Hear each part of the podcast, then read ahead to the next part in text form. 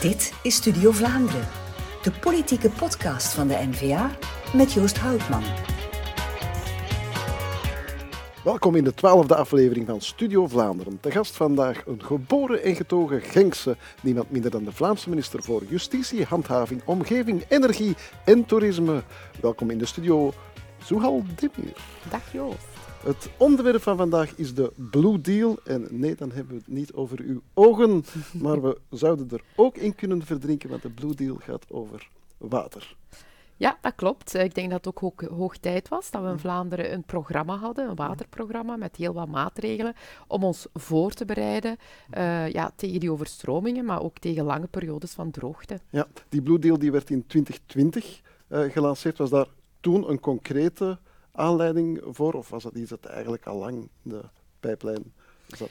Ja, eigenlijk bij mijn aanstelling, toen ik pas minister was, heb ik uh, ja, heel veel mensen gesproken natuurlijk, uh, vanuit het veld. Ook heel veel professoren, onder andere ook Patrick Willems, die al jaren uh, bezig is met water en heel vaak ook de politiek heeft proberen wakker te schudden, maar tevergeefs.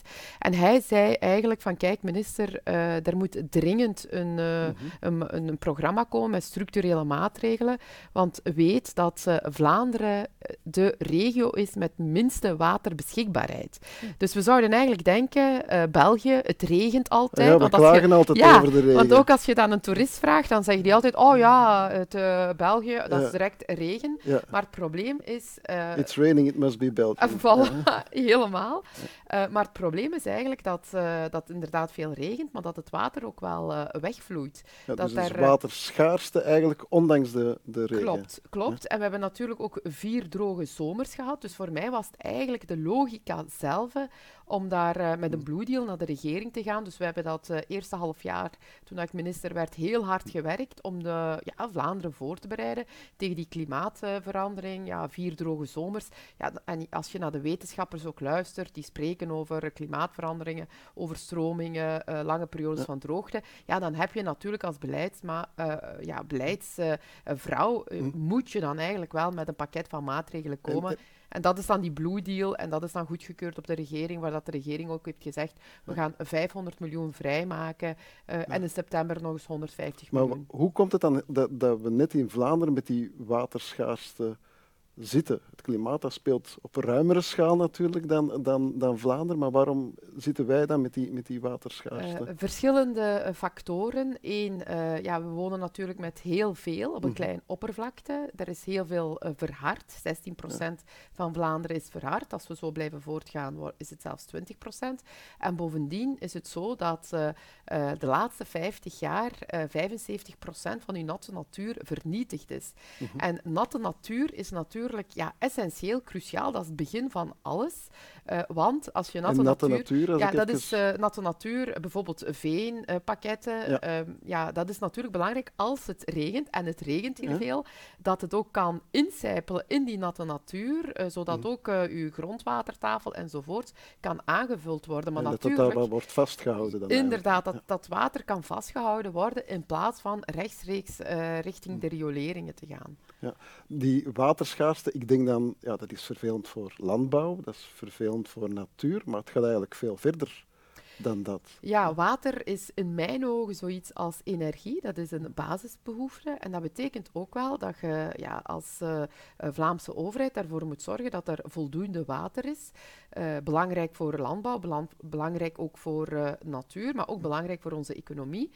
belangrijk voor ja, elke Vlaming. Want ja, als je geen water meer hebt door je kraan, want we kunnen ons dat niet voorstellen, maar daar heeft wel een deskundige mij helemaal in begin in 2019 wel gezegd, minister, als je niks doet, weet dan wel dat er een periode komt dat als we de kraan opendraaien, dat er geen water doorkomt. Dus wij kunnen ons dat allemaal niet voorstellen. Dus geen water om, om, om, ja, om te koken, om, om te, te, drinken, koken, om het toilet door dat, te ja, spoelen. Dat is, dat, is, dat is een basisbehoefte, ja. water. Dus inderdaad, je, je, je, je, mo je moet die omschakeling maken.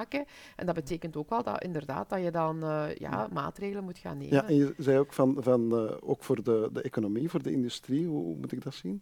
Ja, voor heel veel productieprocessen heeft de economie, de haven van Antwerpen, uh, ja, heel veel voedingsbedrijven bijvoorbeeld, ook de koolruids van deze wereld hebben water nodig.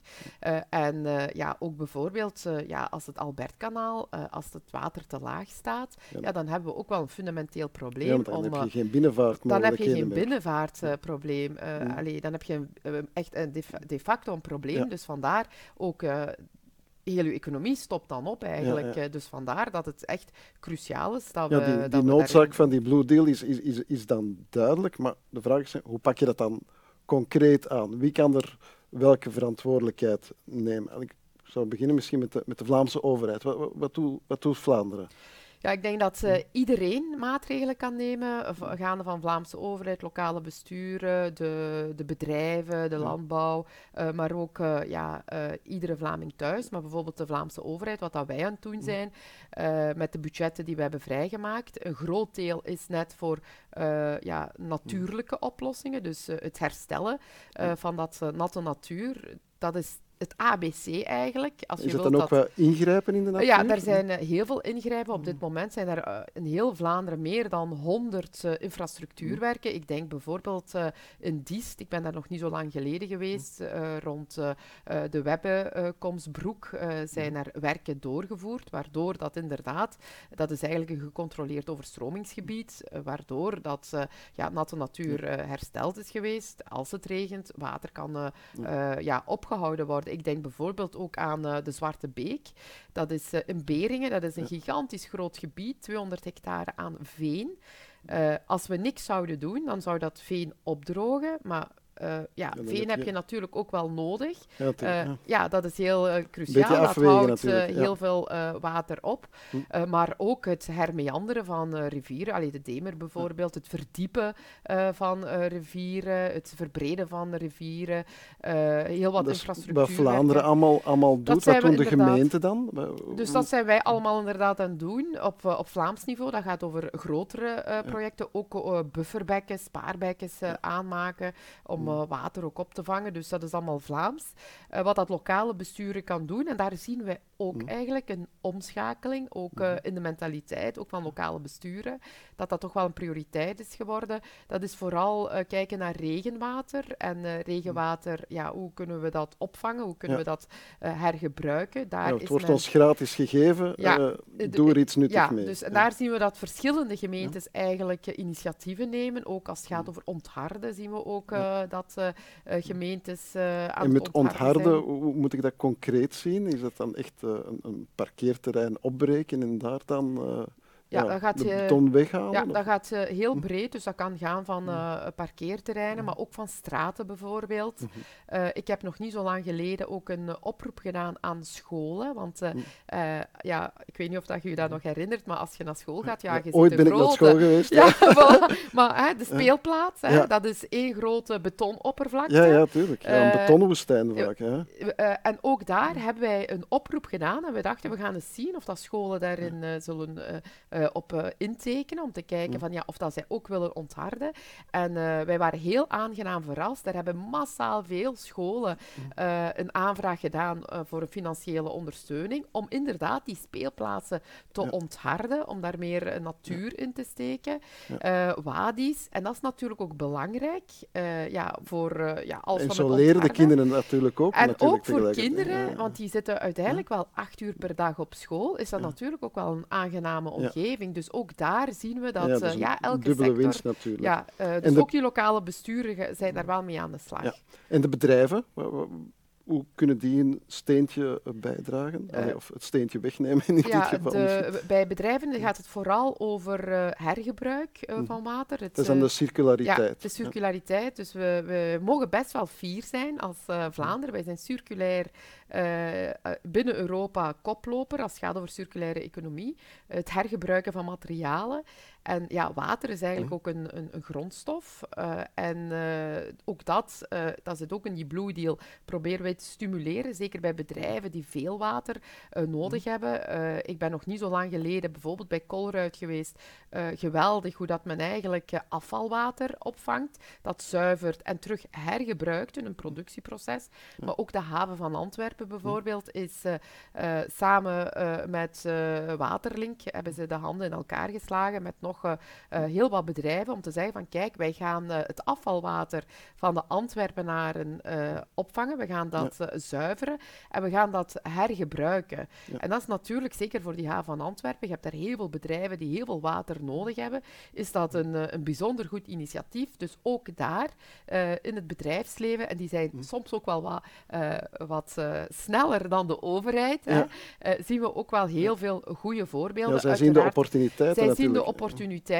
Uh, dat is, ze weten van, ja, oké, okay, wij, wij zijn heel waterintensief, we hebben heel veel water nodig, maar wij moeten toch ook wel die omschakeling ja. maken. Mee natuurlijk vanuit de overheid, die Blue Deal, die wij ook wel, wij, dat zit daarin, dus wij stimuleren dat ook uh, bij bedrijven. En eigenlijk zou circulariteit gewoon de regel moeten zijn. Ja. En dan komen we bij, bij ja, jij en ik, bij, bij de, de, de gewone burger ja, hoe kunnen wij zelfverantwoordelijkheid nemen? Wat, wat zijn zo wat praktische tips dat we het zelf kunnen doen, dat niet al te veel kost, liefst? Ja, we hebben uh, eigenlijk vorig jaar met de zomer al uh, gezien dat de Vlaming, hm. eigenlijk moet je ze niet te veel uh, tips geven, want ze doen dat eigenlijk al vanzelf. Bijvoorbeeld met die uh, lange uh, periode van droogte zagen wij dat heel veel mensen zoiets hadden van ja, we gaan onze auto nu niet wassen. Ja. we gaan die tuinslang niet Voor naar boven sommige halen. mannen zoals ik was dat pure leidardij natuurlijk. ja, maar, maar, maar bijvoorbeeld, we gaan ons gazon overslaan. En we zien ook wel uh, dat heel veel mensen dat gedaan hebben. En we zien ook dat die natuur zich ook wel vrij snel herstelt. Uh, als je een, maand, een paar maanden later terug naar je gazon kijkt, naar je ga, uh, gras, ja. is die terug wel mooi groen. Ja. Zo'n zien... ramp is dat niet van een nee, eventjes Nee, geen, dat is allemaal geen ramp. We zien ook dat mensen heel fel hun watergebruik aan het verminderen zijn. In die zin, ja, bijvoorbeeld douches nemen, ja, wat kortere periodes van douchen hm. nemen, een kraan die lekt, misschien ja, sneller gaan gaan repareren. Uh, je kunt ook met slimme douchekoppen werken. Ja. Uh, dus er zijn wel heel wat initiatieven. En we zien ook wel in de praktijk dat heel veel mensen eigenlijk ook wel nadenken en wel zoiets hebben van oké, okay, ja, het is niet meer van deze tijd om, om, om die kraan zomaar open te laten en ondertussen iets anders te gaan. Nee, nee, nee dat is er helemaal niet. En, en dat zit ook niet in de aard van de Vlaming. Nee, ik denk het ook niet. We zijn nu kleine drie jaar na die lancering van die Blue Deal. Ja, wat is er in die drie jaar staan we nu echt veel verder. Gesteld dat er nu weer eens een, een, een heel droge zomer aankomt, of, of misschien een heel natte, zijn wij gewoon beter gewapend? Ja, toch wel. We hebben eigenlijk vorig jaar een hele droge zomer gehad. Ook een hele lange per, uh, periode ja. van droogte. Uh, het was toen kantje boordje, maar we zijn daar net uh, allee, toch wel over geraakt. Zonder dat we drastische maatregelen moesten aankondigen. En ook vandaag de dag zien we dat, we zien dat ook aan de hand van de cijfers die we vorige week van de Vlaamse Milieumaatschappij hebben gehad, dat het grondwaterpeil goed aan het aanvullen is. we zijn er uiteraard nog niet, dus die maatregelen zijn heel goed. Uh, dat is ook goed dat we daar eindelijk in Vlaanderen budgetten voor hebben vrijgemaakt. Maar dat betekent wel dat we de komende jaren eigenlijk verder moeten gaan investeren. Ja. Uh, we, we, komen eigenlijk van een periode waar dat daar heel weinig aandacht was voor water. Uh, ja, dat heeft, men heeft dat eigenlijk heel lang laten uh, aanslepen. Ja. en het is goed dat we drie jaar geleden, want u moet weten, de Volksunie destijds was al bezig. Als je ja. teruggaat naar die congressen, die eerste milieu congressen, de Volksunie had water al op de agenda ja. gezet. Dus wij hebben dat opgepakt uh, als uh, partij, als N-VA-minister. We hebben gezegd, kijk, we gaan hier die Blue Deal, we gaan hier budgetten voor vrijmaken. En eigenlijk doe je dat ook en ik vind dat niet meer dan normaal om uh, uw omgeving uh, mm -hmm. te beschermen en ook die Vlaming te uh, beschermen tegen ja. lange periodes van droogte, overstromingen. Maar we zijn er nog niet, we zijn wel op de goede weg. Dus ja, die maatregelen helpen. We zien dat aan allerlei cijfers rond mm. ons grondwatertafel, die mooi aangevuld wordt. Ja. maar we zijn er nog niet. Dit heeft natuurlijk ook wel een periode nodig mm. om effectief ons voor te bereiden tegen die klimaatverandering, tegen die droogtes, tegen overstromingen. Dus als je dat mij vraagt, en, als ik zo wat naar de wetenschappers ook luister, heb je zeker tien jaar nodig om die tanker te keren. Ja. Dus we mogen het zeker niet laten verwateren om een flauwe woordspeling er tegen aan te gooien. Dank u voor de vele nuttige inzichten en zelfs concrete tips over de Blue Deal, waarbij de interviewer hopelijk geen blauwtje liep. Dank u, Zohel Demir, voor de zeer deskundige uitleg. En van het water van de Blue Deal gaan we naar het water dat soms veel te diep is tussen feit en fictie.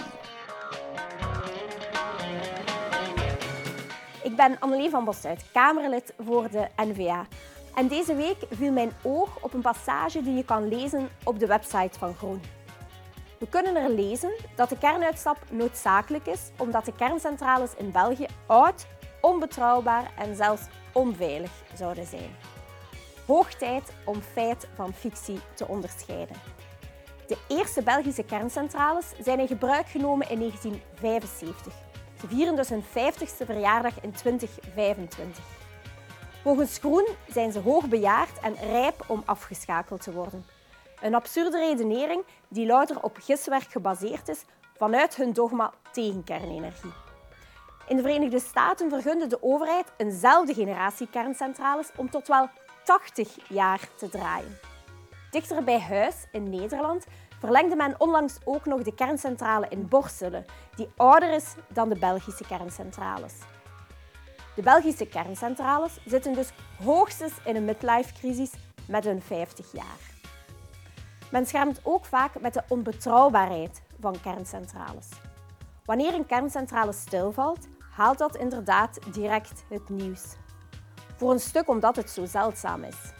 Een kerncentrale verliest globaal genomen slechts 4% van haar totale capaciteit aan onverwachte defecten. Dat is een stuk minder dan de 8 à 9% van de gascentrales waar Groen toch zo verliefd op is. Kernenergie is ook een schone en veilige manier om energie te winnen. Men verwijst vaak naar Tsjernobyl en Fukushima om die veiligheid in vraag te stellen. Eerst en vooral ging het daar over veel oudere kerncentrales. Bovendien brengt Tine van der Straten onterecht de 20.000 doden van Fukushima rechtstreeks in verband met de kerncentrales. Mentale gymnastiek van de bovenste plank, want slechts één dode was rechtstreeks te wijten aan de kerncentrale van Fukushima. De anderen stierven jammer genoeg door de vernietigende tsunami die volgde op de zware aardbeving. Een redenering die Japanners trouwens zelf ook volgen. Het mooiste bewijs dat zij nog voluit de kaart van kernenergie trekken, is het feit dat ze aankondigden dat ze de bestaande kerncentrales opnieuw zullen opstarten. We kunnen geruststellen dat de Belgische kerncentrales tot de veiligste en de meest robuuste ter wereld behoren. De nucleaire sector is trouwens ook de meest gecontroleerde sector ter wereld. Laat het duidelijk zijn, de NVA is een partij van de feiten en niet van de fictie. En daarom trek ik samen met de partij als congresvoorzitter opnieuw voluit de kaart van kernenergie. Want kernenergie moet een vast onderdeel van de energiemix van de toekomst blijven. Dit was de twaalfde aflevering van Studio Vlaanderen. Ik dank mijn gasten, maar ik dank vooral ook u voor het kijken en of luisteren. Tot een volgende Studio Vlaanderen.